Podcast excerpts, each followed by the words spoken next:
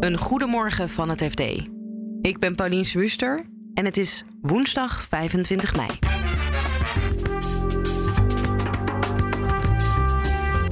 ECB-baas Christine Lagarde maakt zich zorgen over crypto's. I'm concerned about you know those people who assume that it's going to be a reward, who have no understanding of the risks, who will lose it all and who will be terribly disappointed.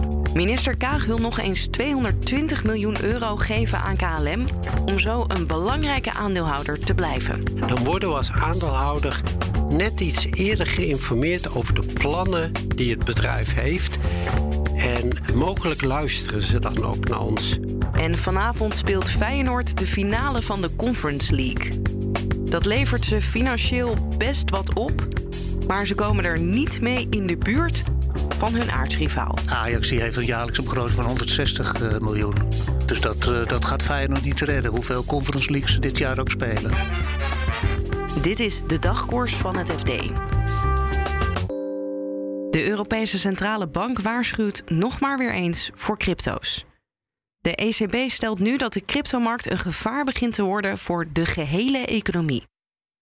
Dat deden ze in hun Financial Stability Review, die natuurlijk is doorgespit door onze crypto-redacteur Pim Brasser. Wat, wat ik heel opvallend vond, zij maakte eigenlijk... Ze zei van die cryptomarkt die is dan laatst het ingestort... maar die is nog steeds net zo groot als de, de rommelhypotheken waren in 2007... Uh, toen die de, de economische crisis uh, veroorzaakten. Ja. Dus dat was wel een hint naar van ja, dit is gewoon nog steeds ontzettend groot... en als we niet oppassen, dan, uh, dan stort de economie een soort van in. En is het dan vooral de grootte van de markt waar ze zich zorgen over maakt, of ook de verwevenheid met de rest van de markteconomie?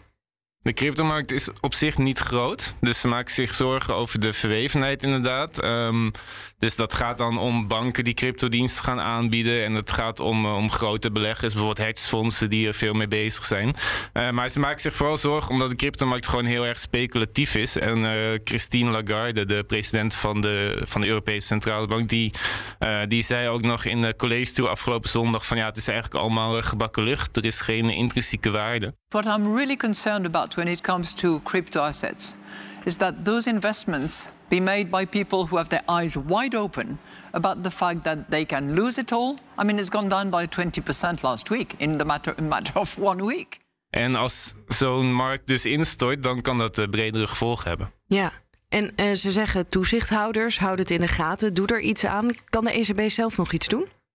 Um, nee, voor zover ik weet eigenlijk uh, niet. Dat ligt bij de nationale toezichthouders. Maar die moeten wachten op de, de, op de Europese Unie. Die werken nu aan de cryptoregels. Maar dat duurt allemaal eeuwen. En dat is op z'n vroegst in 2024 ingevoerd. Dus we hebben nu eigenlijk gewoon geen toezicht op een enorme speculatieve markt. Die dus steeds meer vervlochten raakt met, met andere markten. En dat, ja, dat is echt gevaarlijk. Ja, helemaal als je inderdaad de vergelijking maakt met die rommelhypotheken. Dan voelt het een beetje alsof je een soort tikkende tijdbom aan mogelijke financiële crisis hebt.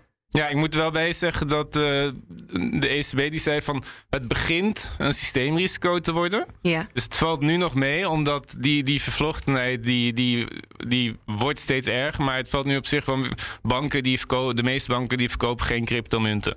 Ja. Uh, en pensioenfondsen of zo, die, die zitten niet in cryptomunten. Dus op dit moment valt het nog mee. Maar ze zeggen van het moet niet verder gaan, want dan krijgen we hetzelfde als we in 2008 hadden. Ja, en ja, jij schrijft al wel een tijd over crypto. Ook dit inderdaad, de waarschuwing dat het een mogelijk risico kan zijn voor het financiële systeem is ook niet nieuw. Waarom vind je dit dan opvallend?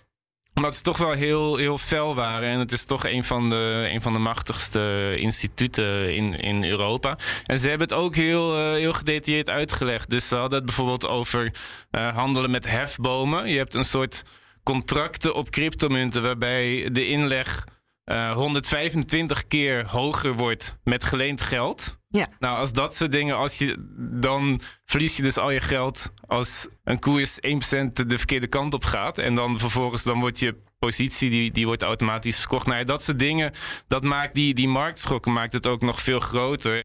Dus, dus dat hele speculatieve, daar maakten ze zich gewoon enorme zorgen over. Ja, en ik kan me voorstellen dat de, de stablecoins die toch niet zo stable bleken, dat dat ook wel weer extra nou ja, de oren spitst. Maar dit, ja, dit rapport was misschien ook al in de maak toen. Nou, ze hebben het wel genoemd inderdaad. En um, ik, ik, denk wel dat het in de maak was, uh, zeker. Maar dit is natuurlijk wel van een, een, een voorbeeld... Uh, waarbij je ziet van, ja, die, die munten... Toezichthouders die roepen het al heel lang. En het is in het verleden ook wel gebeurd. Maar nu zie je echt van ook een enorm grote munt... Dat waren zeg maar twee munten, die waren bij elkaar 50 miljard waard. Een enorm bedrag. Die kunnen gewoon naar nul gaan. En dat, daaraan zie je gewoon dat, dat de risico's ook breder, dat die gewoon wel groot zijn. Drie uur lang hebben de aandeelhouders van Air France KLM gisteren vergaderd. En toch was er geen vuurwerk, tot teleurstelling van onze verslaggever Pieter Kouwenberg.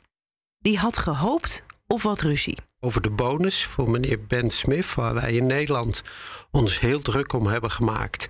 Dat is met uh, Noord-Koreaanse stemming is het aangenomen. Uh, degene die het moeilijkste had, grappig genoeg, was de vertrekkend topman van de KLM.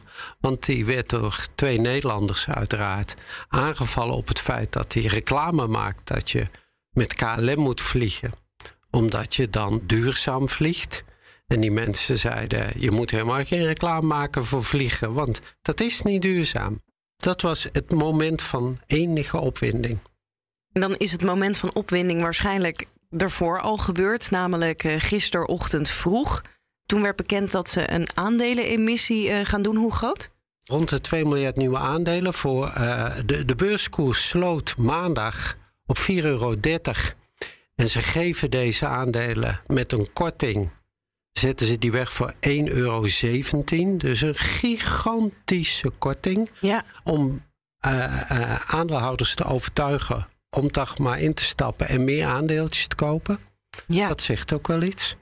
En wij zijn ook aandeelhouder, wij de Nederlandse staat. Uh, we hebben nu volgens mij 9,3 procent. Dat klopt. Hoeveel gaat het kosten om die 9,3 procent te houden? 220 miljoen. En het kabinet heeft gezegd: wij willen heel graag nog eens 220 miljoen uh, in KLM steken. Weet, in 2019 hebben we 800 miljoen erin gestoken.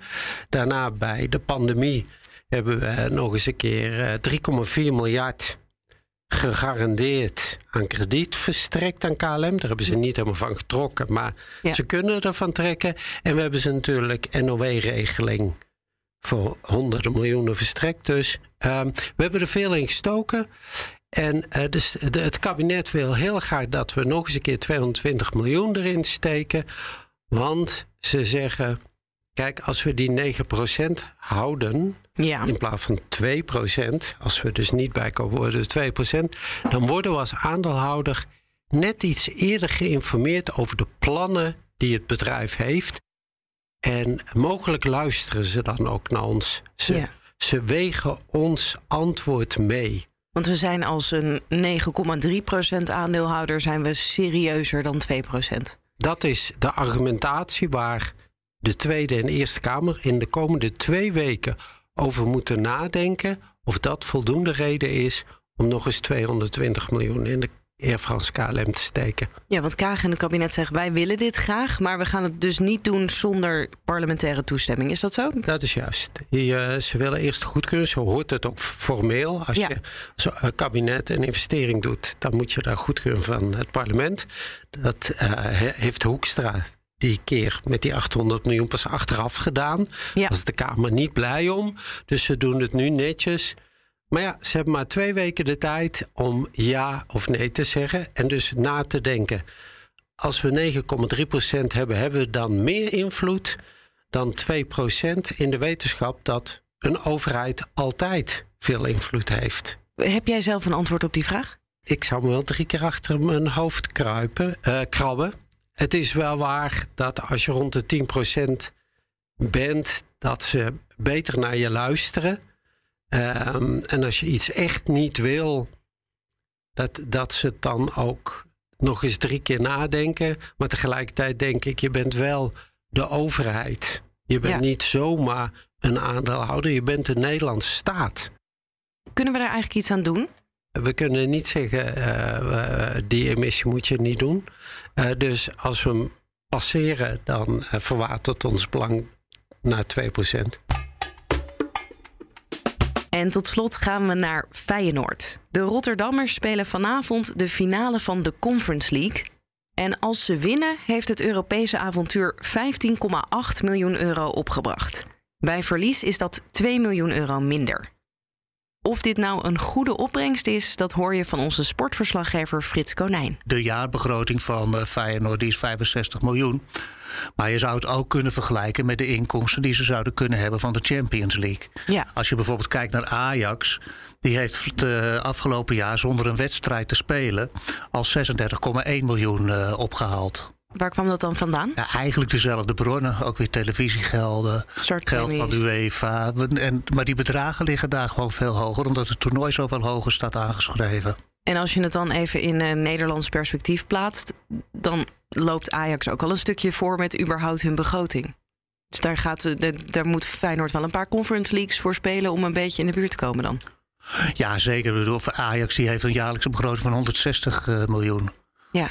Dus dat, uh, dat gaat Feyenoord niet redden, hoeveel Conference Leagues ze dit jaar ook spelen. Is er dan nog iets anders waar ze op kunnen cashen nou ja, door dat succes van die Conference League? Dat zit hem in de waarde van de spelers, de transferwaarde. Ja. Door de goede prestaties, want dat heeft, die heeft Feyenoord natuurlijk wel geleverd uh, in Europa. Ik bedoel, ze hebben hele behoorlijke clubs uh, verslagen.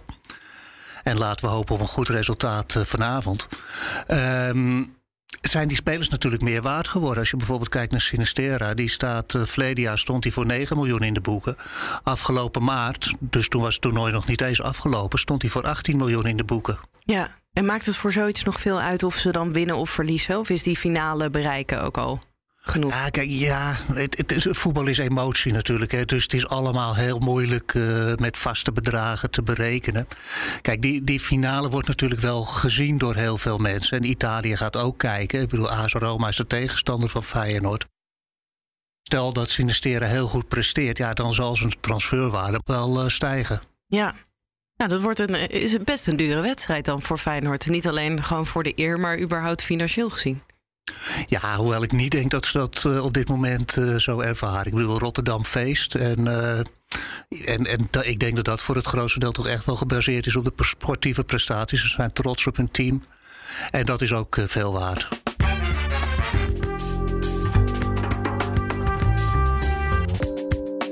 Dit was de dagkoers van het FD. Je vindt ons elke werkdag in je favoriete podcast-app met een nieuwe aflevering. En schrik morgen dus niet als je geen nieuwe dagkoers binnenkrijgt, want dan is het hemelvaart. Natuurlijk kan je dan wel terecht op fd.nl voor het laatste financieel-economisch nieuws. En vrijdag zijn wij er weer. Voor nu een hele fijne dag en tot dan.